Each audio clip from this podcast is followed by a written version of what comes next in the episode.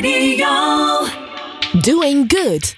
Met Mark van Hal. Goed voor jezelf, goed voor een ander. Haal het beste uit jezelf en laat je inspireren. Elke laatste maandag van de maand tussen 6 en 7 uur. Ja, welkom bij Doing Good. Eh, van harte welkom zelfs, want eh, in deze bijzondere tijd, eh, de mijmertijd tussen kerst en oud en nieuw, ben jij weer degene die luistert en daar ben ik ontzettend dankbaar voor. Vandaag hebben we een hele bijzondere aflevering, namelijk met Wout van Wengerden. En dan zou je zeggen, wie is Wout van Wengerden? Nou, daar kom je zo meteen achter. Hij heeft een ontzettend mooie kijk op het leven, vind ik tenminste. En daar heb ik eh, dit jaar ook, eh, ja, ben ik getuige van geweest tijdens eh, de vertoning van zijn documentaire Tussen de Liefde en de Leegte. Daar gaan we het straks met Wout over hebben. Welkom bij Doing Good.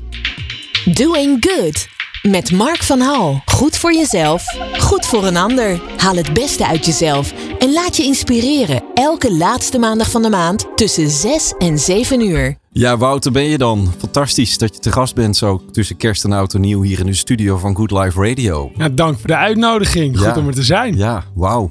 Ik eh, werd eh, dit jaar, eh, het is het jaar 2022 voor de mensen die later luisteren. Maar werd ik uitgenodigd door een goede vriendin van me om naar een documentaire te kijken. En van Wout van Wengerden. Ik had nog nooit van Wout gehoord. Maar toen ik in jouw doopzeel dook, zag ik opeens de kwetsbare held als, als titel. Wout, zullen we even bij het begin beginnen? Je bent in 1987 eh, geboren. Ja, op 16 Ja. februari. 16 februari. En eh, toen begon een eh, bijzonder leven. Want eh, ja, kun je er iets over zeggen?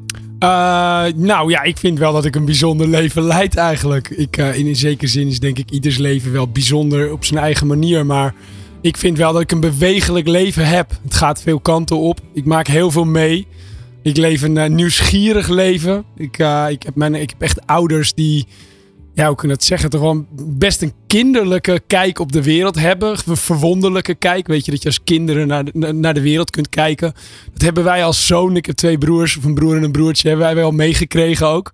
En op die manier sta ik ook in het leven. Altijd, altijd eigenlijk nieuwsgierig naar, ja, wat, wat, wat zit erachter? Wat zit eronder? Wat is er nog meer? En, en, en het mooie ook willen zien eigenlijk, ja. Ik kan me ook voorstellen dat eh, als je dan eh, het mooie en het verwonderen, dat je, tenminste dat heb ik ook wel een beetje, maar dat je ook wel eens wordt ingetoomd. Hè? Dat, je, dat je de grenzen en de kaders krijgt van nou Wout, nu even niet. En ja, blijf je niet zoveel verwonderen. Dit is het leven. Hè? Ga Ja. maar eens even lekker op een pad lopen. Herken je dat? Ehm, ja, nou ja, zeker weten wel. Ik, ehm, grappig genoeg, afgelopen jaar heb ik een ADHD-test gedaan. Oh, Gewoon, ja, heel veel mensen om me heen moesten lachen van, ja, daar, daar had je geen test voor nodig om daarachter te komen. Maar, maar wel een soort van, ja, ik heb altijd wel op een bepaalde manier zelf een beetje geworsteld met het normale van tussen de, ja, op, op het paadje blijven lopen en een beetje daarbuiten gaan. Gewoon, ik ben altijd een beetje, ik heb altijd een beetje op een rare manier naar de wereld, de werkelijkheid gekeken. Of te- tenminste, zo voelde dat voor mij altijd een beetje. En ehm, ja, daar, daar, daar wel eens mee, mee geworsteld op een bepaalde manier. Maar goed, het, eh, het, het heeft me nooit ontmoedigd of zo. nee.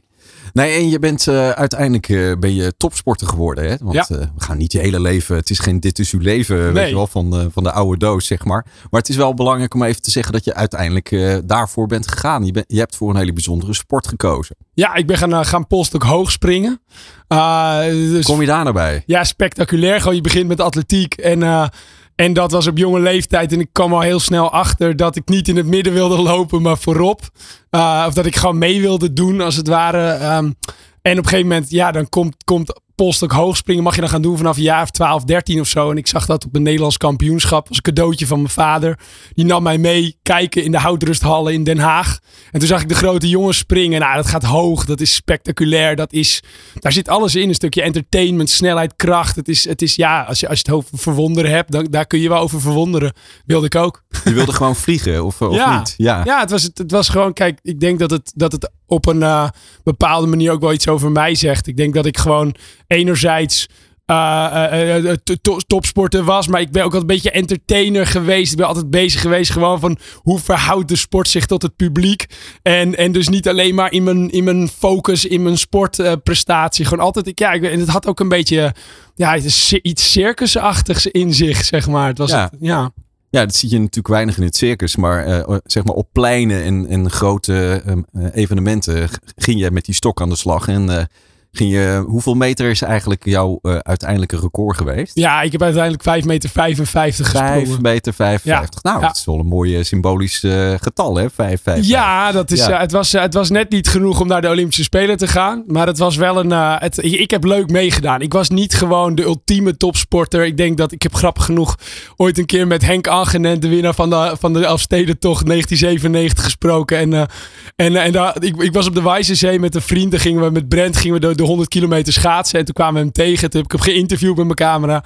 En toen vertelde ik hem dus ook, ja, weet je, ik, ik was ook altijd wel een beetje bezig met de dingen eromheen. En toen zei hij, ja, dat is ook waarom je het niet gehaald hebt. Zei ah. hij tegen me. Dus dat waren de woorden, de magische woorden van Henk Angenent. Dus uh, iets, iets meer focus had je, zeg maar, naar wat uh, grotere hoogte gebracht. Uh, maar uiteindelijk, uh, ja, topsport, uh, ja, moet je ook veel voor opgeven, neem ik aan, of niet? Ja, ik heb, ik heb, ik heb wel topsportersleven geleefd. Ik, uh, ik, ik bedoel, ik heb echt hard getraind, heel hard gewerkt. Ik had gewoon, ik had talent, maar niet het super talent. Ik was gewoon heel harde werker. Ik vond het gewoon heel leuk om erbij te zijn. Ik trainde veel, ik trainde hard. Ik, ik, uh, ik, ik was ongelooflijk uh, begaan met de sport. Gewoon altijd, altijd bezig naar, naar het volgende toernooi aan het werken. Gewoon. En ik kon echt heel diep gaan. Daar ben ik ook heel ver gekomen. Dus in zekere zin, uh, Henke Angeneet heeft absoluut gelijk. Ik was met te veel randzaken bezig, maar ik was wel harde werken. Ik heb wel, ik, heb, ik, heb, ik heb het Nederlands kampioenschap gewonnen twee keer. Dus ik heb wel gewoon op een leuk niveau meegedaan. Maar echt dat doorstoten naar de, de wereldtop ja, weet je, zoals Rens Blom dat deed, of, of andere jongens, dat, dat, dat zat er gewoon net niet in voor mij. En, dat, uh, en, en dat heeft voor een heel ja, hoe kan ik het zeggen, een heel avontuurlijke uh, manier van topsportbeleving gezorgd. Gewoon, ik was veel bezig ook met sponsoring en met, weet je, en ik vond inderdaad die marktpleinwedstrijden vond ik vaak, vond ik nog mooier dan de stadionwedstrijden, weet je wel. Ik, ik, ik was gewoon nieuwsgierig als sporter ook al, ja. Ja, want uh, in een quote uh, zag ik dat je, nou, dat het gewoon genieten was. Hè? Mooie vrouwen schreef je of uh, nou, van alles en nog wat. Dat geschreven? Ja, dat, dat staat op je website. Oh ja. nee, maar, maar, maar niet alleen de vrouwen, maar natuurlijk ook alles wat eromheen. De waardering, de roem. je ja. bent toch een aantal keren Nederlands kampioen geworden. Ja, ja, nee, ja het, was, het, was, het was natuurlijk het was een combinatie van allerlei dingen. Het was enerzijds gewoon inderdaad de, de, de, sport, de sportprestatie jezelf overstijgen. Maar ik kan niet ontkennen dat, ik, dat er ook wel momenten zijn geweest dat ik het heel prettig vond om gezien te worden. Ik denk dat daaronder ook altijd wel bij mij een soort. Ja, uh, ja, ik vind het een beetje moeilijk om te zeggen zo. Maar ik denk toch dat er ook wel een stukje gezien willen worden onder lag. Weet je. En dat ik het gewoon. Ik vond ook gewoon de, ja, de interactie mooi. En ook gewoon het feit dat je. Ja, ik, ik had misschien toch ook wel wat te bewijzen op een bepaalde manier. Mhm. Gewoon, ja. Nou ja, nu ben ik even kwijt wat ik er nog over wilde zeggen. Nee, nou ja, goed. Um, uh, het heeft natuurlijk een kampioen, uh, heeft uiteindelijk ook uh, zijn voordelen. Hè? Als je dat bent, lijkt mij ook. Nou, het grappige is, je, je komt het, het, het contrast was pas echt groot eigenlijk toen ik stopte. Weet je wel, dat ik merkte gewoon weet je, je gaat dan zoiets doen. Je wordt dan topsporter en je, je wint iets of je, je doet mee. En dan in één keer, ja, dan ben je iemand in een bepaalde wereld. En dan ga je jezelf ook mee identificeren. Van dat, dat ben ik, weet je wel, die, die topsporter. En dat geeft je ook wel, ja, dat geeft je een bepaald aanzien. Of het geeft je een bepaalde, bepaalde naam. En op het moment dat je dan stopt, uh, dan, dan, dan valt dat weg of zoiets. En dat was wel het moment dat ik ineens merkte van jeetje, hoe, hoe, hoezeer ik me ook vasthield aan dat stukje, weet je wel. Van, dat was mijn identiteit. En, en, en die, dat verdween toen, toen ik stopte. Dus daar, ja, daar was dat contrast wel mooi zichtbaar. Ja. Nou, je begon het verhaal hè, dat je als kind uh, en ook je ouders op een bepaalde ja, kinderlijke manier naar de wereld uh, kijkt. Hè? Ja. Um, in feite, dat is ook de reden waarom je hier zit. Uh, jij hebt een bepaalde manier van kijken naar de wereld. Ja. En uh, mij wordt wel eens gevraagd van ja, al die gasten die je uitnodigt voor Doing Good, waar, waarom doe je dat? Hè? Waar, waarom de ene keer die en de andere keer de, de ander? Wat, we eigenlijk, wat ik eigenlijk probeer te doen, is uh, jouw kijk op de wereld, zeg maar, proberen te vergroten of mm. samen te vatten. Zodat dat misschien anderen weer inspireert om ook op die manier naar de wereld te kijken. Uh, niet op dezelfde manier, maar om de wereld te verrijken. En uh, dat is wat je, wat je kunt volgens mij, of niet? Ja, nou ja, kijk, ik denk dat het heel belangrijk is, zeker in deze tijd, om vragen te stellen. Weet je, ik denk dat nieuwsgierigheid en onderzoeken, gewoon letterlijk onderzoeken, zeg maar. Um, belangrijk is, denk ik. Gewoon, het is heel makkelijk om, om een gegeven als een gegeven vast te pakken. En ik denk gewoon door vragen te stellen en dingen vanuit verschillende kanten te, te bekijken, weet je wel, dat gewoon, gewoon heel belangrijk is. Omdat er gewoon heel veel kanten zijn. Ik, zo grappig, ik ben op dit moment een, een serie aan het maken voor het Rode Kruis. Uh, rondom diversiteit en inclusie. En, en ik kom er gewoon daarin wederom nog, nog meer achter. Hoe, hoezeer je eigenlijk vanuit je eigen perspectief kijkt. En ik denk dat, dat het leven gewoon echt rijker en breder en groter en mooier en dieper wordt op het moment dat je, dat je, dat je vanuit verschillende kanten gaat onderzoeken. Natuurlijk blijf je altijd je eigen perspectief houden. Maar dat is wel, dat is wel iets waar ik, waar ik achter gekomen ben. Of steeds meer achter kom. ja. En die verwonderingen, die, dat onderzoeken, hè, wat zit eronder? Hè, dus die vragen stellen en ook vanuit je spontaniteit. Um, ja, dat is dus een kracht. Uh, en, en, dat kan je kinderlijk noemen, maar dat ja, dat is iets wat misschien meer mensen zouden mogen doen, hè? Of het niet? Het grappige is, um, ja, ik weet, dat moet ook een beetje in je zitten, denk, denk ik gewoon. Ik bedoel, het idee is natuurlijk anders. En de een die, kijk, bij mij komen vragen van nature. Ik heb mijn leven lang vragen gesteld. Gewoon als ik vroeg, als mijn moeder een, een, een dagboekje van vroeger openslaat, dan, dan staat erin hoe ik in de trein iedereen aansprak en vroeg naar snoep of wat dan ook, of wat ze, wat ze gingen doen. Weet je, dat zat er bij mij ook gewoon al, al heel erg in. Um, maar ik merk, ik merk wel dat, dat het me heel veel brengt. Ik merk gewoon echt dat vragen en luisteren. En steeds meer luisteren. Ik denk dat ik, dat, dat, dat, dat ook ja, met het ouder worden of zo. Dat het minder sturend wordt of zo. Dat je gewoon echt luistert. En dat je, dat je dan echt in een soort flow kunt zit, terechtkomen met iemand anders. Waardoor je ja, een laag dieper komt. En dus elkaar ook beter gaat zien of zo.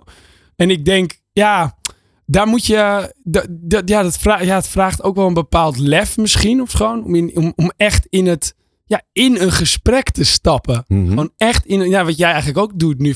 Herken jij dit? Of tenminste? Nou ja, echt in. Ja, ik kan natuurlijk vragen stellen. En, uh, maar antwoorden geven, dat kan ik ook. Maar het, het is vaak het makkelijke, denk ik, dat je, dat je vragen stelt. En misschien ook wel. Uh, zeg maar, dan niet meteen het antwoord wil horen. Want ik heb het idee dat sommige mensen aan mij vragen van hoe gaat het met je?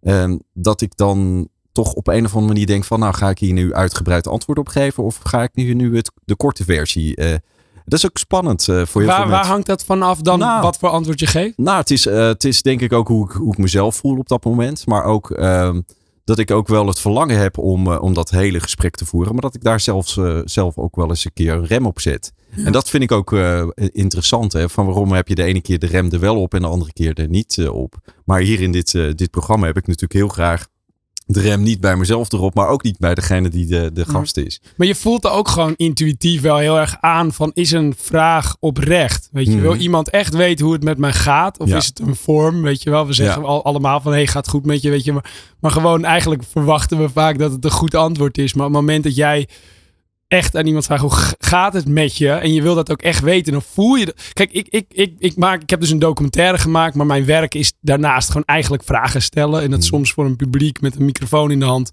En dat is soms in een film en soms in een korte film, en soms in een docu, wat dan ook. En ik merk dat als jij een oprechte vraag stelt, die dus eigenlijk moet komen, die, die kun je niet bedenken. Die, die komt omdat je die hebt. Weet je, je vraagt je iets af en die stel je dan. En als die vraag gemeend is, en, je, en, en, en dan voelt iemand dat. En dan zijn mensen eigenlijk. Ik kom bijna nooit tegen dat mensen niet bereid zijn om een echt antwoord te geven. Nee, dat, bijna nooit. Nee, dat, is, dat is dus een gave. Hè? Dat is dus uh, iets wat je, wat je heel goed kan. En uh, ja, dat, dat, dat, dus de vraag stellen en dan het, uh, echt het antwoord willen ontvangen. Dat is ja. natuurlijk uiteindelijk waar het om Het is zo grappig, wat je, want, want ergens is dat ik heb dat gewoon altijd als gewoon ervaren. Weet je, dat, dat is gewoon wat ik doe. Dus het is, ik, het is pas eigenlijk iets van de laatste tijd dat ik echt begin in te zien dat dat een talent is. Of dat dat mijn gave is. Zonder dat te willen Ja, maar beste man, het is ook uh, jouw kijk op de wereld. Hè? Ja. Niemand anders dan jou. Jij hebt de kijk op de wereld zoals jij ja. dat hebt. Ja. Dus wat jij doet en wat je steeds uh, meemaakt. Dan denk je van nou, dat is ook mijn wereld. Dat is ook gewoon. En dan kom je erachter ook door middel van vragen stellen. Van hey, oh wauw de ander denkt er misschien uh, anders over. Ja. En uh, dus het is inderdaad een talent. Plus wat ook leuk is, vind ik ook wel leuk om even te benoemen, is dat als je verder vraagt, dan is het, wordt het onderzoekend. Ook voor degene die een antwoord geeft. Weet je, ik ben hier nu, zit hier tegenover je. Ik vind het leuk om hier te zijn, omdat ik mogelijk iets ga delen wat ik nog niet eerder verteld heb. Of ik ga iets in mezelf ontdekken wat ik nog niet wist. Mhm. Weet je wel? Dus, dus als, je, als je doorvraagt, dan, dan zie je gewoon tegenover je de persoon die een antwoord geeft, soms gewoon iets ontdekken in zichzelf. Wat waardevol is voor die persoon zelf ook. Weet je, Ja. En dat is denk ik precies waar het om draait. Hè. Op het moment dat je een, eh, een vraag stelt, is het ook eigenlijk eh, de toestemming vragen om even in de spiegel van de ander te mogen kijken. Dus eh, jij stelt mij een vraag en ik ga dan kijken van, oh, hmm, kan, ik dit, kan ik dit stukje van mezelf laten zien? En dat is, eh, dat is juist het mooie van een gesprek. Want op het moment dat je echt vanuit de intentie wordt uitgenodigd om daadwerkelijk een stukje van jezelf te laten zien en dat voelt veilig en vertrouwd, Mm, ja, dan ontstaat er iets magisch. Dat ben ik helemaal met je eens. ja. Ja, wij zitten niet zo ver van, eh, van het terrein van de top 2000 eh, af. En dan kunnen mensen aangeven welke muziek ze graag willen houden. Die hele lijst is inmiddels al vastgesteld. Maar jij hebt ook een eh, aantal nummers eh, aangegeven Ja. voor eh, nu. Waaronder de onmogelijke droom van eh Ramses Shaffi. Waarom heb je dit nummer eh, opgegeven? Ja, ik weet, ik vind het, ik vind het een, een heel hoopvol en mooi nummer. Weet je, het is, het is makkelijk volgens mij om je hoop te verliezen of zo. Ik, ik denk, ik, ik, ik heb mezelf toch altijd wel een beetje als een idealist gezien. Weet je, ik heb, ik heb ja, als een kind die gelooft nog dat het allemaal goed kan worden of zo. Of dat, dat, dat, dat er vrede zal komen. Of dat, dat je ja, dat in die end gewoon allemaal goed en mooi is. En naarmate je ouder wordt, of je, je, je komt meer in de realiteit van het leven, wat ik ook steeds meer begin te, te zien, dan zie je ook dat het niet alleen maar mooi is. En dat, dat misschien dat wel het leven is. Dat je uiteindelijk eh, erachter komt dat zowel de pijn en het verdriet en de eenzaamheid en de, de, de drama, gewoon de, de, het onrecht, eh, gewoon de oneerlijkheid eigenlijk van het bestaan er ook is. Weet je, en dat moeten we omarmen als mensen. Alleen, ik vind gewoon die kijk, dat die blik vanuit dat hoopvolle, dat geloven dat het, dat het kan, die volgens mij echt heel belangrijk is. En want dat is een motor voor mijn gevoel. Hè. Bijvoorbeeld toen ik mijn film begon tussen de liefde en de leegte, de prins die er een zootje van heet, is de ondertitel trouwens, die ben ik ook gaan maken vanuit hoop, weet je, vanuit het idee van hé, hey, ik zie iets om me heen en ik geloof dat als we hierover zouden praten, dat, dat het beter wordt. En dat kan volgens mij ook, maar ja, de, de illusie dat het allemaal goed zal komen in die, in die end, dat, dat, dat is natuurlijk, dat, dat is een illusie denk ik. Maar ik vind de hoop mooi in dit nummer. Ja, We gaan luisteren. ja.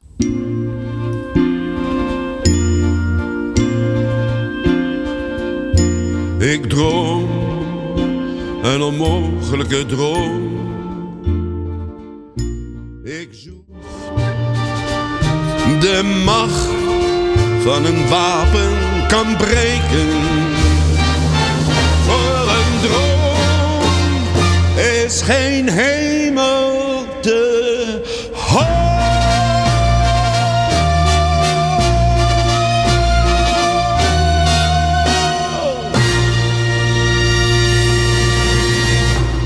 Ramses Shaffi, De Onmogelijke Droom. Wat een prachtige vertolking eh, van The Impossible Dream. Ehm, Wout, als jij kijkt naar Ramses, hè, ehm, in Mhm. hoeverre ehm, kun je jouw kijk op de wereld vergelijken met zijn kijk op, eh, op het leven? Ja, nou ja, dat is een mooie vraag. Ik weet niet, eh, ik los van dat ik mijn eigen talent bijna niet durf te vergelijken met die van Ramses Shaffi. Want dat was gewoon in mijn ogen, nou ja, een gepijnigd mens, maar ook een wonderkind. Gewoon een heel, gewoon vrij, ja, heel, heel, heel veel kanten die jongen natuurlijk, of die man. Uh, maar zeer getalenteerd. En ik denk, nou ja, ik was met Stef Bos een dag op stap. Ste- Stef heeft, eh, daar gaan we het later ook nog over hebben. Stef, ik heb Stef voor mijn, voor mijn eigen documentaire geïnterviewd.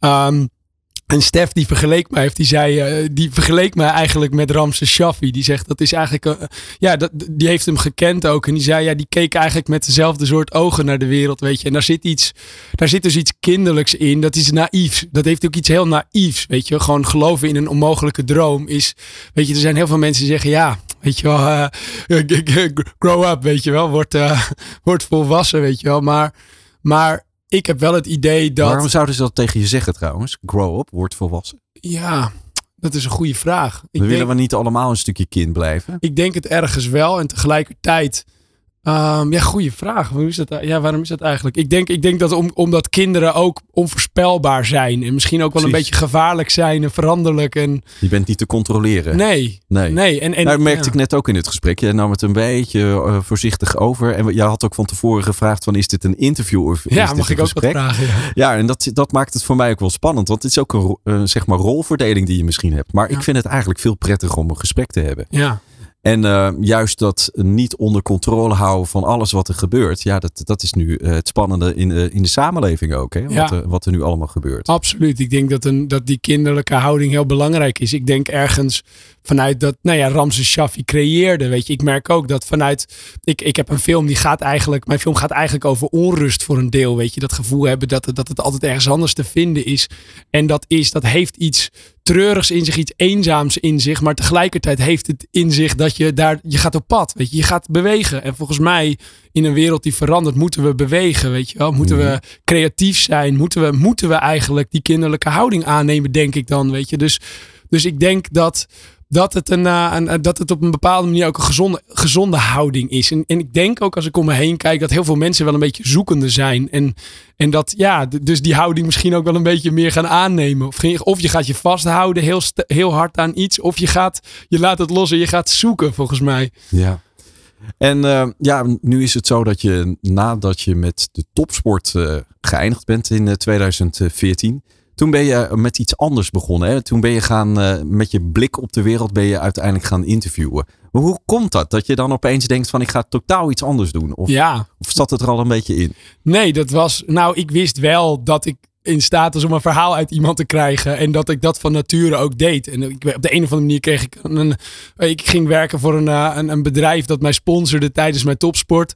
En toen zei ik, volgens mij moeten er filmpjes komen, weet je wel. We moeten, dit, we moeten dit gaan laten zien. En toen kreeg ik een camera. Nou, die werkzaamheden daar, dat lukte niet. Op een gegeven moment, ik kwam er gewoon achter. Ik, ik kan nog niet zo in een bedrijf. Ik kan niet zo overstromen, zomaar in een bedrijf. Ik moet nog, ik heb nog zoveel vragen. Ik heb nog zo erg te onderzoeken wie ik ben, los van die topsport, zeg maar. Ik was identiteitsloos. En ik had dat cameraatje nog. En, uh, en heel, heel eerlijk gezegd heb ik die een soort van stiekem gehouden. Ik, ik was ook plat zak op dat moment. En toen dacht ik gewoon, ik ga met dat cameraatje gewoon verhalen verzamelen. Want ik merk, ik merk, maak allemaal grappige dingen mee. Mensen vertellen mij van alles. Ik wil het laten zien aan andere mensen. Wat ik leer of wat ik meemaak. En ja, en dan op een gegeven moment begin je een platform, uh, een blog. En dan, dan deel je iets en dan vinden mensen dat leuk. En dan word je aangemoedigd en dan ga je dat nog een keer doen. En zo groeit zoiets. En dan krijg je op een gegeven moment... Ik kwam bij het, bij het Mediacafé te werken. Waar de Wereld Draait Door werd opgenomen. En, uh, en ik dacht, daar moet ik zijn. Daar komen de verhalen langs. En ik had een goede band met, met Dennis Alders, de eigenaar van het café. Um, die die gaf mij ook de ruimte om tussen mijn horeca-werkzaamheden door. Nou, pak maar even je camera. En dan, trok ik Boudewijn de Groot voor de camera, weet je wel. Of dan, dan, dan, dan, dan bevroeg ik mensen gewoon over wat ze geleerd hadden van het leven. Of wat, wat, wat ze mij konden, mij konden leren. En daarmee ook misschien wel de kijker. En dat nou ja, op een gegeven moment krijg je dan de vraag van... hey, wil je dat voor ons ook eens maken? Wil je dat voor ons ook eens doen? En in één keer... Het, voor mij duurt het heel lang, ook voordat het kwartje viel... ik kan hier geld mee verdienen ook, weet je. Ik kan hier ook mijn werk van maken. En het voelt nog steeds... het is mijn werk gewoon. Even films maken, maar ook geïnterviewen en dat soort dingen. Maar het voelt eigenlijk totaal niet als werk. Het is gewoon, ik leef mijn natuur. Soms denk ik wel eens... ik ben wie ik... Wie, wie, wat, ik ben wat ik doe, wat ik denk, dat ik wil, dat ik voel. Gewoon, dat is, dat is wat ik leef nu op dit moment. En dat voelt heel, heel luxe. Het komt gewoon allemaal vanzelf bij elkaar. Ja, het is echt, het is onvoorstelbaar. Soms denk ik, oké, ik ben een, een polstok hoogspringer die de lat te hoog legde. Trouwens, een polstok hoogspringer met hoogtevrees ook. Weet je, die... die... Maar ja, dan is het voordeel, je komt heel snel weer naar beneden natuurlijk. Ja, de, absoluut. en er ligt een mat onder, dat is ook niet onprettig, zeg maar. Maar gewoon, weet je, de metafoor, de lat te hoog leggen, die eigenlijk voor mij wel heel erg van toepassing is, waar denk ik ook mijn film over gaat. Weet je, dat je, dat je, dat je soms meer denkt te moeten kunnen dan je kan of zoiets. En daardoor dus onder leidt. Dat je eigenlijk heel streng voor jezelf kunt zijn. Van ik moet meer laten zien, moet meer presteren. Het is niet goed genoeg, weet je wel. Het moet beter.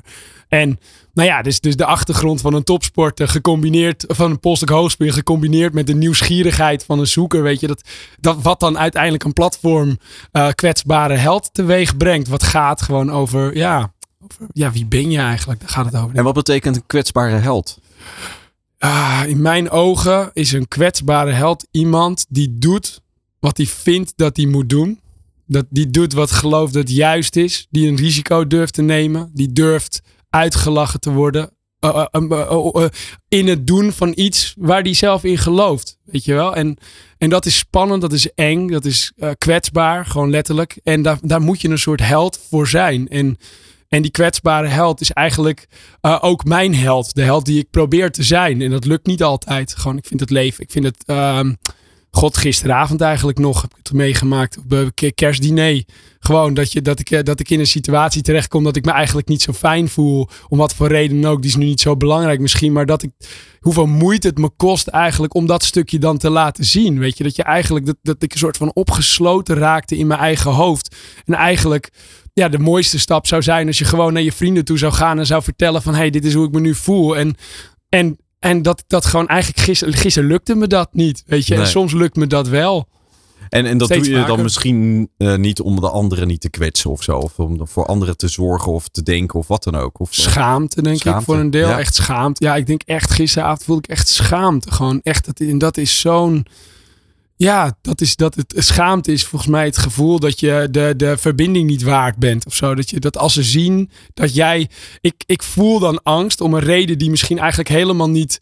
Niet, niet, ja, gewoon doorgaans helemaal niet zo heel belangrijk is of er zoveel toe doet. Maar toch voel ik daar angst om. Weet je, dan denk je, ja, het is raar dat ik daar angst over voel. Dus dan ga je je schamen en dan ga je dat niet, ga je dat niet delen. En en maar dat, dat, dat, dat, dat is een soort gevangenis gewoon. Ik kwam mhm. gisteravond thuis en dacht, jeetje, ik heb toch wel een deel van de avond in een soort gevangenis gezeten in mijn hoofd. Omdat ik eigenlijk niet zo goed durfde, uh, nou, te zeggen wie ik echt was op dat moment. Mhm. En dat...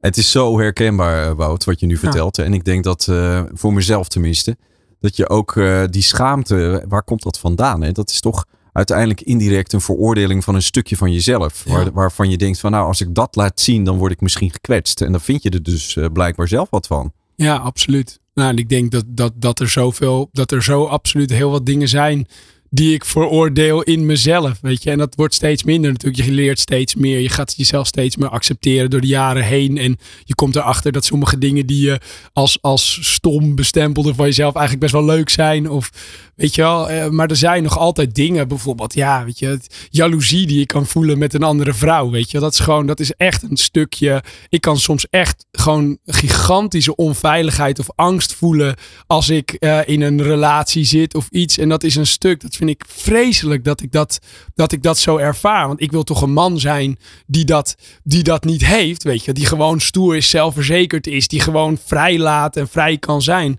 En dat stukje is er dan wel. En ik merk gewoon dat, dat, dat je dus gevangen kan houden. En, maar door erover te praten. En, en als je met, met, met een persoon bent. Ik, ik kom eigenlijk achter dat heel veel personen het juist eigenlijk heel mooi vinden als je deelt. Weet je, want je kan twee kanten op gaan. Of je wordt boos op er je gaat er, je gaat er omheen lopen. Je gaat er uh, blamen. Je gaat er iets kwalijk nemen. Of je vertelt: Goh, ik merk dat ik nu een angst voel. Weet je wel, ik ben bang om je kwijt te raken. Of bang dat je me verlaat. Of bang dat je.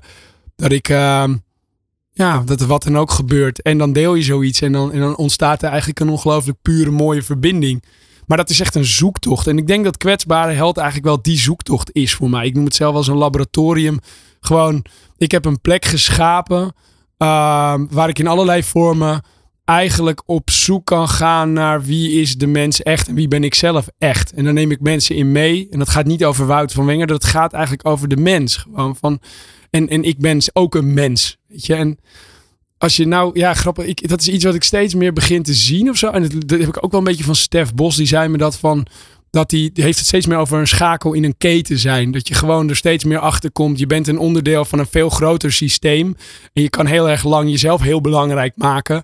Uh, en, en, en in hoeverre ik kom, dat ik erachter kom, het gaat niet over mij. Het gaat, het gaat, het gaat, het gaat, het gaat over, over ons of over wij. Of het, en daarmee, ja, hoe kan ik dat nou uitleggen? Um, Um, ik merk dat hoe kleiner ik zelf word, soms heb ik wel eens het idee steeds meer dat ik verdwijn, letterlijk verdwijn. Dat gewoon, dat ik opga in, nou, in een gesprek bijvoorbeeld, of gewoon, of op een podium kan gaan staan en dan niet meer met het gevoel van, het gaat over dat, dat applaus voor mij, dat mensen mij zien, maar dat ik gewoon daar in functie sta bijna van de verbinding, of van hoe je het ook wil noemen, van de, de ja. Van de keten. Ja, van de Zoals, eh, keten. Precies. En dat Ja. is, daar komt zo een kracht uit voort gewoon. Daar komt zo ongelooflijke... Dat is, dat is het mooiste wat er is. Ik voel nu, ik, grappig genoeg, er gaat straks ook een nummer, die ga je straks draaien. Ja, nu zelfs. Ja, gaan we die nu? Nou, Ja. dat is een heel mooi, een mooi bruggetje Ik denk dan. dat het een heel mooi bruggetje is. Ja. Want als je onderdeel van een keten bent, dan eh, ben je klein. Hè? Dan kun je zeggen, nou, je bent een schakeltje in die enorme rij van, van die keten. Maar als je er niet bent, dan is die keten er ook niet. Dus Nee. dan ben je ook groot en Ja. eh, meeslepend. Absoluut. We gaan luisteren naar Stef Bos. Ik blijf mijn hele leven reizen. Altijd onderweg.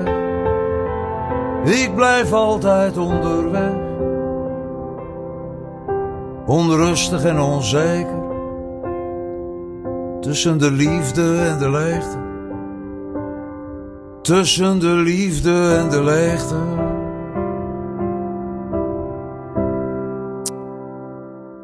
Tussen de liefde en de leegte van Stef Bos. Een eh, belangrijk thema uit de documentaire van Wout van Wengerden, die bij mij in de studio is op dit moment. Ja. Voor een aflevering van Doing Good. En Doing Good eh, gaat over goed zijn voor jezelf, maar ook goed voor een ander. En ehm, ja, een prachtige stem heeft eh, Stef, maar ook een prachtige tekst. Hè? Ik ben altijd onderweg Ja. tussen de liefde en de leegte. Ja, het is eigenlijk wel mooi, want dit nummer heeft nog niemand ooit gehoord in deze versie. Want dit is namelijk het echte nummer, is tussen de liefde en de leegte schreef hij eh, toen hij zelf begin 30 was, in 1991 geloof ik. En dit is zeg maar de variant eh, zoveel jaar later. En, ehm, eh, en deze ver- versie heeft hij speciaal ingezongen voor mijn film. Dus, en ik laat de film soms zien en dan vragen mensen: Oh, waar kan ik dat nummer vinden? Weet je, het is zo mooi. Zelfs mensen die al naar Stef hebben geschreven: Kun je het niet uitbrengen? Dus ik moet het met Stef nog eens over hebben. Ik hoop dat hij het goed vindt dat we het laten horen hier trouwens. Ik heb er maar op gegokt. Maar hij heeft eh, ook wel eh, natuurlijk het nummer Papa geschreven. En Ja. dat heeft ook onlangs natuurlijk in verschillende versies weer een prachtig toneel gekregen bij heel veel mensen. En eh, dat thema van Papa, dat, eh, dat, dat- ik ga even langzaam maar zeker naar de documentaire die je hebt Ja. gemaakt. Die mij ontzettend heeft geraakt.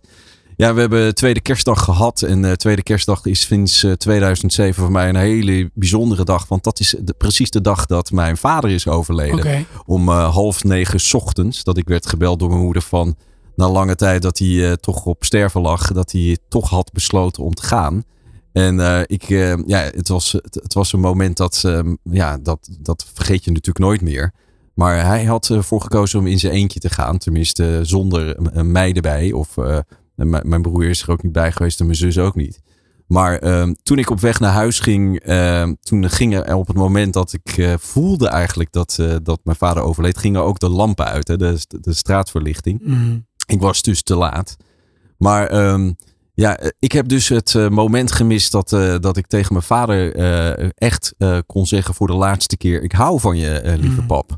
En eh, in, de, in de film, in de documentaire die je hebt gemaakt, heb jij ook een, een bijzonder prachtig gesprek eh, met je vader, waar we graag nu een fragment eh, van laten horen.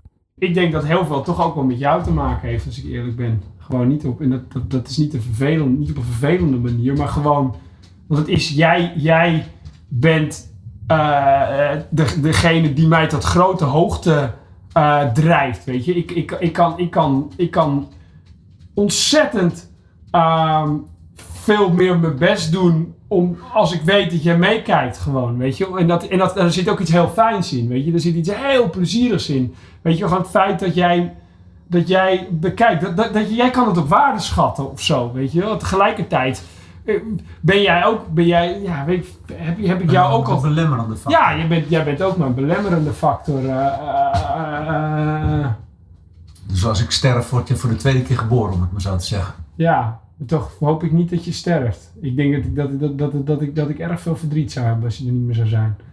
Dan, dan, dan word ik huilen, maar dan, dan word ik eenzaam. Dan, dan word ik, dat is het moment dat ik echt eenzaam, me eenzaam ga voelen. Of dan, maar dan word ik dus opnieuw geboren misschien, ja.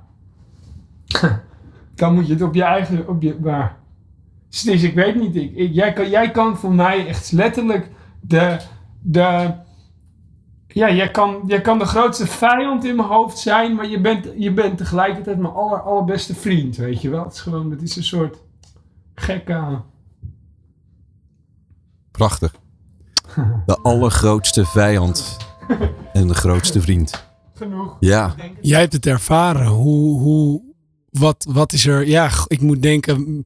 Mijn vader zegt eigenlijk tegen mij: als ik sterf, word jij opnieuw geboren. Hoe, hoe- heb jij dit ervaren? ja, nou, ik heb het ook wel zo ervaren dat. eh, en als je me nu zou vragen van eh, ben je verdrietig over het verlies van je vader? Ja, op dat moment was ik heel verdrietig. Maar op een of andere manier heb ik het ook zo ervaren dat het vanaf dat moment ook wel echt de tijd was om zelf die man te zijn en zelf zeg maar mijn leven te, te, leiden. En natuurlijk mis ik eh, de gesprekken met hem, want eh, nog wel.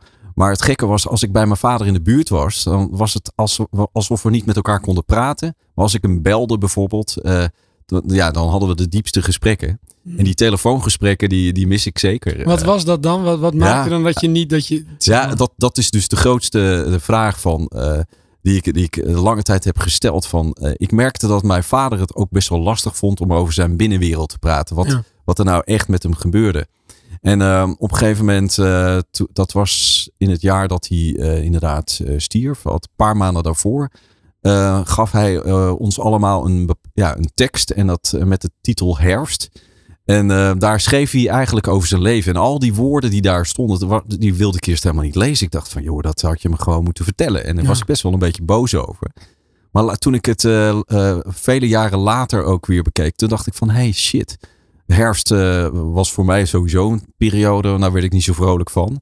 Maar toen ik het las, dacht ik van, wow, wat gaaf, wat kleurrijk. Wat fantastisch dat hij die, dat stukje binnenwereld toch liet zien. Ook al deed hij dat niet met zijn stem, Ja. maar deed hij dat met deze woorden. En ja, nu eh, weet ik Wout van, joh, eh, papa, ik lijk steeds meer op jou. Dat geldt natuurlijk ook Mm. voor, voor mij. Eh, hij is 50% van wie ik ben. En Ben jij vader, Mark? Ja, ik ben ook vader. En hoe is dat, dat stuk van het laten zien van je binnenwereld nu naar jouw kinderen? Ja, en dat, dat, dat was precies ook het besef. Hè? Vanaf, vanaf eigenlijk toen ik ook mijn moeder verloor in 2012, was het zoiets van. Ja, ik, ik, kan het, eh, kan het allemaal maar binnenhouden. Maar volgens mij moet je het vooral laten schijnen. En, en niet door erover te praten, maar door te zijn. Ja. En ehm, dat is volgens mij de les die ik heb eh, gekregen van mijn vader. Niet te veel over praten, maar ben gewoon eh, Ja. liefde. Ben gewoon er voor je, voor je, je naaste. Maar het is ook best wel, lijkt me ook best wel lastig. Tenminste, dat, dat, ik, ik merk ook dat ongemak, gewoon dat zie je in de film ook wel. Zie je, sta ik recht tegenover mijn vader. Ik vind dat ook ongelooflijk eh, ongemakkelijk. Ik merk dat dat ook niet een gesprek is dat je zomaar voert. En ik weet ook niet per se of je dat gesprek ook hoeft te voeren. Ook krijg ik heel veel reacties van mensen. Oh, ik wou dat ik dat met mijn vader of met mijn moeder zou kunnen voeren. Dat gesprek. Dat is ongelooflijk moeilijk, weet je. En, en, en, en misschien is soms ook gewoon, is het inderdaad gewoon het, het voelen dat je van elkaar houdt wel genoeg, weet je wel. En, eh, maar Sterker Ja. nog, ik, eh, ik denk dat het zelfs als we allemaal zouden eh, zeg maar beseffen dat die liefde, eh, eh, zeg maar, dat dat een vast gegeven is. Hè? Dat je iedereen die je tegen zou komen in de wereld, dat, die, dat je zegt, nou jij bent ook een stukje liefde. En daar hoeven we niet over te twijfelen, maar dat is gewoon een vast gegeven.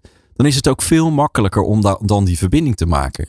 Maar wat, eh, wat ik wel heb ervaren en, en hoe dichter, in dit geval mijn ouders, hoe dichter die bij mij zijn geweest, is te lastiger vond ik om, om die gesprekken te gaan over hoe ik me echt voelde. Want dat zou maar zo kunnen betekenen dat die liefde die je dan voor de ander hebt, dat die misschien op, eh, op een soort van spanning zou komen te staan. Terwijl het eigenlijk, ja, je bent altijd verbonden met je vader en altijd verbonden met je moeder. Ja. En dat vind ik ook zo mooi hoe jij dat eh, in de documentaire laat zien. Want het gaat eigenlijk tussen de liefde en de leegte. Hè?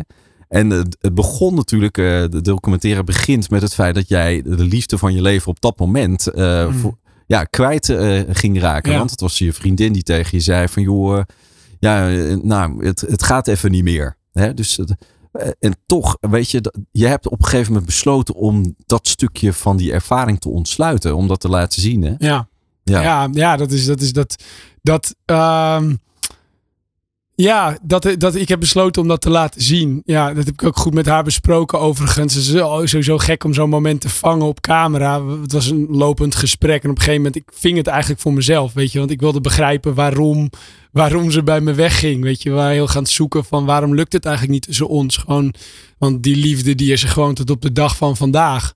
Weet je, maar toch op de een of andere manier, ja, werden we niet groter samen. Liepen we elkaar in de weg. Gewoon om het, om het, hard, om het hard te zeggen gewoon. En ehm, ja, maar wel ik denk wel gewoon een heel herkenbaar stuk voor heel veel mensen. Weet je wel, dat, dat verbinding maken met iemand, uh, om het zomaar te noemen. Of gewoon iemand dichtbij laten komen. Um, echt jezelf durven zijn bij de ander. En, en, en elkaar ook kunnen laten. Gewoon elkaar ook vrijheid geven in het zijn van wie je bent. Dat is ongelooflijk complex. Tenminste, dat is heel uh, kwetsbaar, letterlijk en figuurlijk. En, en ik vind dat heel spannend. Ik vind dat echt heel spannend. Gewoon omdat echt. Nou, ik gaf het voorbeeld van gisteravond bij kerst. En ik denk dat. Um, ja.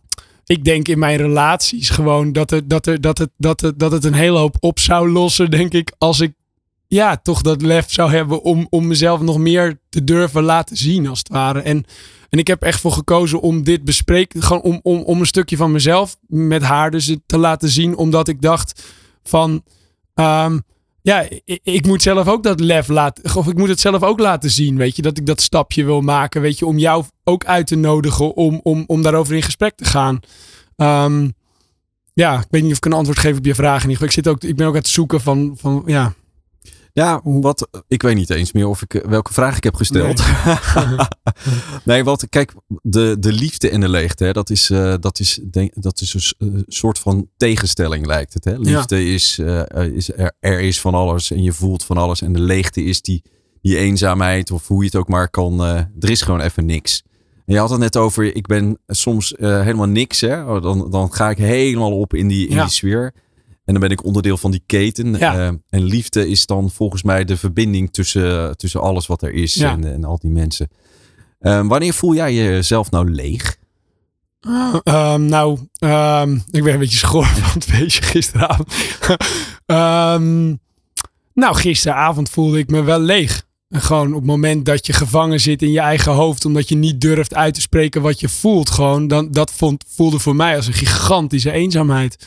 Weet je, dat is gek genoeg. Als ik gewoon soms alleen thuis ben, dan kan ik me totaal onderdeel voelen van alles. En me heel liefdevol voelen en krachtig en sterk. En het is zo grappig, want bij mij kunnen die twee echt heel snel wisselen. Weet je, ik had grappig genoeg de drie uur daarvoor uh, uh, kreeg ik een hele mooie opdracht. Hadden we een voorgesprek voor een mooie opdracht die ik gekregen heb om te, te mogen spreken. Waarin ik gewoon met zoveel zelfvertrouwen en zo erg vanuit dat gevoel van ja, maar dit, dit, dit kan, ik wil jullie hierbij helpen. Ik kan dit voor jullie betekenen. Als wij dit gaan doen, dit wordt fantastisch. Dus echt me ongelooflijk sterk voelen en, en dus vol en liefdevol en, en verbonden en en, en, en een paar uur later sta ik op een feestje, zelfs met een hele hoop mensen die ik ken. Waar je zou zeggen dat is een, een ongelooflijk veilige, prettige omgeving. En daar zit ik gevangen en voel ik gigantische leegte. Weet je, dat is, dat is, nou ja, het is, voor mij is dat, dat, dat de hele liefde en de leven, dat hele, hele begrip is, is, is, is, is een soort van driedimensionaal. Ik, voor mij, ik ging een bepaalde leegte ervaren in het altijd maar zoeken van nog meer perfect, zeg maar. Weet je wel, waarom dan kom je, heb je een leuke, leuke vrouw en dan ga je altijd op zoek naar wat klopt er dan niet, weet je wel. En dan ga je weer, weer verder, want er is iemand die is misschien nog wel mooier of beter. Of uh, als je op dit podium staat, weet je wel, ja, dan, dan is dat andere podium misschien nog wel mooier, weet je wel. En, dan, en dat, dat heel hard achter die, ja, dat, dat presteren aan rennen als het ware, daar, daar voelde ik een hele grote leegte in. Ik denk van, wow, je krijgt het grootste applaus en tegelijkertijd zit je alleen in de auto naar huis en voel ik me eigenlijk leger, weet je wel. Dat is, dat is, dat is, dus wat klopt er niet? En, en er zit een man in de, in de film en die zegt heel mooi eigenlijk, uh, als, als dus dit liedje van Stef uh, wordt, uh, wordt, wordt um, gedraaid, dat zet ik in de achtergrond. Ik laat hem dat horen met mijn telefoon en dan zegt hij van, ja, weet je, hij is altijd onderweg, maar hij is nooit thuis.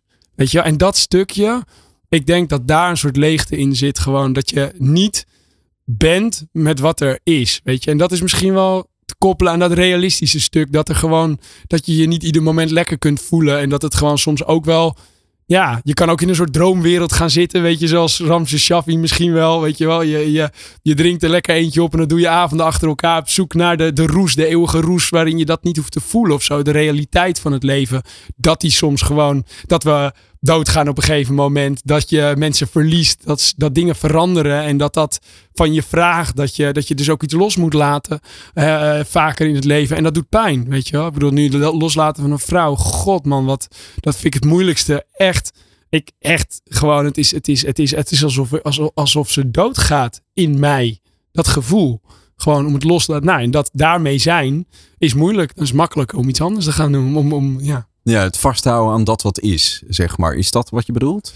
Ja, nou ja, Ja, misschien wel het vast, vast nou ja, of, of, of het uit de weg gaan van de gevoelens die erbij komen kijken bij het loslaten van iemand. Weet je wel, gewoon, bedoel, als jij, ik weet niet hoe jij, als, to- toen jouw vader overleed, weet je, dat, dat, dat, dat, ik kan me voorstellen dat daar pijn, heel veel pijn mee gepaard gaat. Iets wat, Ja. een, wat een bepaalde rouw, dan kun je kiezen van, ga ik me nu volledig in mijn werk storten en ontken ik dit hele stuk om er vervolgens eh, tien jaar later in een burn-out achter te komen van shit, ik heb dat stuk nooit verwerkt van mezelf. Ik heb dat nooit aangekeken, dat verdriet, ik heb het ontkend of ik ben het uit de weg gegaan.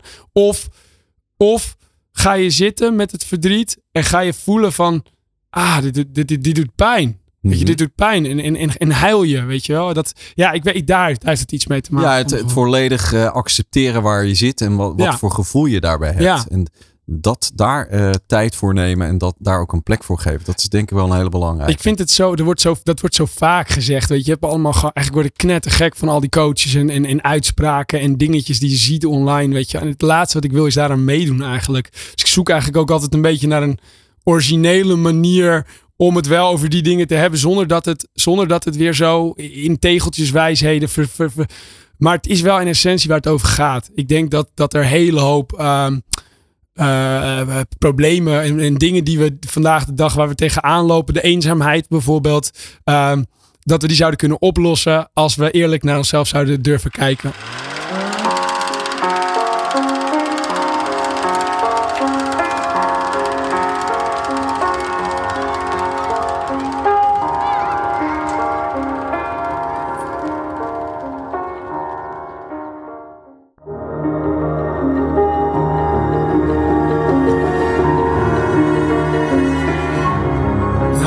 Afgelopen zomer heb ik het eh, zo'n beetje het mooiste cadeau gekregen dat ik ooit maar had kunnen krijgen van iemand van Joep Verbund, een van mijn beste vrienden.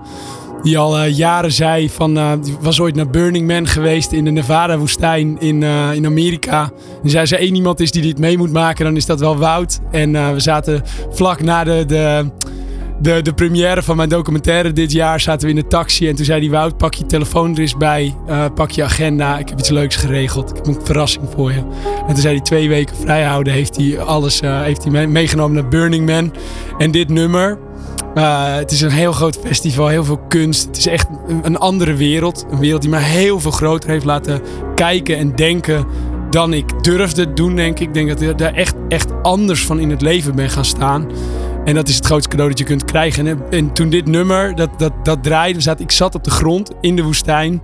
En ik, ik hoorde bij het, Studio Drift eh, kamp. Dat is een kunstgezelschap uit, uit Amsterdam. Met, met allemaal vrienden rondom die, dat gezelschap. En die, die organiseerden, wij organiseerden de, drone show. Dus een, een duizend drones in de lucht die dan een heel prachtige, nou een masker in dit geval, bij dit nummer, eh, vormde. En ik had dat nog nooit gezien. En toen zat ik daar met de mooiste sterrenhemel op de grond. Keek ik naar boven. Deze muziek knalde gewoon uit de boksen. Gewoon achter me. Van, vanuit van die grote artcars. Zeg maar zo'n grote wagen. Kunstwagen. Waar er van die gigantische boksen op staan. En, en toen keek ik gewoon naar boven. En toen dacht ik werkelijk. Ik, ik zat gewoon te huilen op de grond. Ik dacht, ik heb nog nooit zoiets moois gezien. Dit is, dit is zo'n. Zo'n. Dit kan. Weet je, er kan zoveel meer dan dat we denken dat er kan. En dat was op dat moment. Ik, daar werd ik echt terug een kind. En ik moest, ik moest huilen. Echt, echt huilen. Ik zit te filmen op dat moment. Je hoort het zelfs in de achtergrond bij het filmen. Hoor je me snikken gewoon van verwondering. Weet je, dat je gewoon echt denkt: jeetje. Dat, dat je gewoon op een totale andere plek gebracht wordt. En. Um, nou ja, het, het, uh, het, uh, ja, ik weet het niet. En dat heb ik meegenomen of zoiets. Dat heb ik echt meegenomen na, na dat was afgelopen zomer. En toen ik terugkwam, toen dacht ik, oké, okay, nou, nou ga ik gewoon doen waarvoor ik hier op aarde ben. Gewoon, nou ga ik het ook doen. Weet je, dat, en dat heeft het me gegeven deze zomer. En ik vind dit, dit staat daar een beetje Wat ga je precies doen, Wout? Um, nou, eigenlijk doorgaan met wat ik altijd al deed. Maar, maar gewoon de rem mag los. Het masker mag er echt af. Het mag, nou ja, dat is een proces. Dat kun je niet in één keer eraf trekken, denk ik. Maar het is gewoon, weet je, je mag je talent gebruiken. Je mag je talent echt gebruiken. En daar hoef je niet voor te schamen. Daar hoef je niet voor weg te lopen. Je hoeft jezelf ook niet op je borst te kloppen en groter te maken dan je bent. Maar je mag het wel gebruiken. Gewoon. En ik denk dat. Uh, um, ja, ik wil, ik wil veel meer eigenlijk in gesprek gaan met mensen nog. Ik wil het ook meer laten zien. Gewoon, ik wil, ik wil erover praten. Ik wil mensen laten ervaren wat het is om zelf dat masker af te zetten. En ik wil gewoon, ja, ik wil, dit, ja, dat klinkt allemaal heel groot misschien, maar het is gewoon, ik wil verdwijnen in de ruimte met een microfoon in mijn hand tussen de mensen in. Weet je, dat mensen elkaar gaan vinden. Weet je, dat is, ja, klinkt ontzettend vaag dit, maar dat is, dat is wat het is. Ik heb gewoon bijvoorbeeld, ik heb met, met Joep, Joep is een, mijn vriend is, een, een, een, is de, de, de oprichter van Mad Sleep, een matrassenmerk. Het doet het zakelijk heel goed. We hebben heel veel over gepraat, weet je. Want je kan hele mooie idealen hebben, hele grote dromen hebben, maar uiteindelijk moet je dingen ook tastbaar maken en concreet en begrijpelijk, weet je wel. Dus we hebben heel veel om Burning Man heen gesproken, ook over hoe ga je uh, jezelf ook, hoe ga je dit stukje zakelijk ook wegzetten? Hoe ga je zorgen dat je ook podium krijgt, dat je ook uh, dit de wereld in kunt brengen gewoon. Nou ja, en, en dat met het, ja, de verwondering die ik heb meegenomen van Burning Man heeft ervoor gezorgd dat, dat, ja, dat, dat, dat ik een soort ja, trein ben gestapt die echt is gaan rijden nu. Hey, Burning Man is een, in de zandbak, hè? is een één grote zandbak. En er wordt gespeeld en gecreëerd. En er worden mensen uiteindelijk uh, in een soort van prachtige omgeving neergezet. Maar we zitten in een woestijn. Ik ben er nog nooit geweest. Maar laten we nou eens even terug naar de zandbak gaan. Hè? We hebben het in het begin gehad over kinderlijk. Um, als jij en ik nou gewoon de twee jongetjes zijn die in de zandbak aan het spelen zijn en de, de kastelen aan het bouwen. En tegen elkaar de verwondering kunnen uitspreken van hé, hey, waar ben jij mee bezig? En uh, oh wauw, doe je dat zo? En dat is volgens mij waar, uh, waar we uiteindelijk uh, mee begonnen zijn met ja. spelen. Ja. En spelen kan iets heel leuks zijn, maar het kan ook iets anders opleveren. Maar het maakt allemaal niet uit dat spelen weer terugkrijgen in, uh, in het leven. Dat ik vind is... dat wel echt een mooie conclusie. Ik denk dat het gewoon het experimenteren, gewoon dat is waarmee ook mijn platform groeit. Weet je, dat probeer ik iedere dag te doen. Maar dat is ook echt iets waar ik van denk van, weet je, je kan alles willen uitdenken. Je kan je, de, als ZZP'er de mooiste website willen uitdenken en, en daar jaren aan werken. Of je gaat, je, je trekt de wereld in en je gaat het proberen. Je gaat het, je gaat het, je gaat, gaat gewoon spelen inderdaad. Ja. Je gaat proberen. En uh, in plaats van spelen met je leven, wat ook uh, misschien af en toe spannend is, maar ja. vooral spelen in in je leven. Ja. Wauw. Wauw, wou ik zeggen. Maar ik wou tegelijkertijd ook zeggen woud. Wauw. Het is echt heel mooi uh, dat je dat laat zien in alles wat je doet uh, met, met je documentaire. Je ook nog, uh, is die te zien? Is die ergens verkrijgbaar? Of ga, ga je in 2023 ook nog andere dingen doen met je documentaire? Nou, wat wel leuk is, ik ga 13 februari een pre-Valentine show doen samen met Hanna Kuppen. Dat is een, een schrijver van het boek Liefdesbang. Gaan we het podium op in Utrecht. Dus, dus als er mensen zijn die de film willen zien, maar die ook gewoon dit gesprek verder willen voeren. 13 februari, of, uh, 13 februari, ja. Ja, de dag voor Valentijnsdag. Ja. Ja, liefdesbang. Nou, uh, door te spelen word je misschien een beetje minder liefdesbang. Wout, je hebt laten horen en uh, ook met alles wat je doet, laat, laat je ook zien dat jouw kijken en jouw verwondering uh, heel veel extra informatie geeft aan de ander. Dank je wel voor deze kijk op het, uh, Jij op ook bedankt. Dank je wel voor je mooie woorden. Doing good. Met Mark van Hal. Goed voor jezelf, goed voor een ander. Haal het beste uit jezelf en laat je inspireren. Elke laatste maandag van de maand tussen 6 en 7 uur.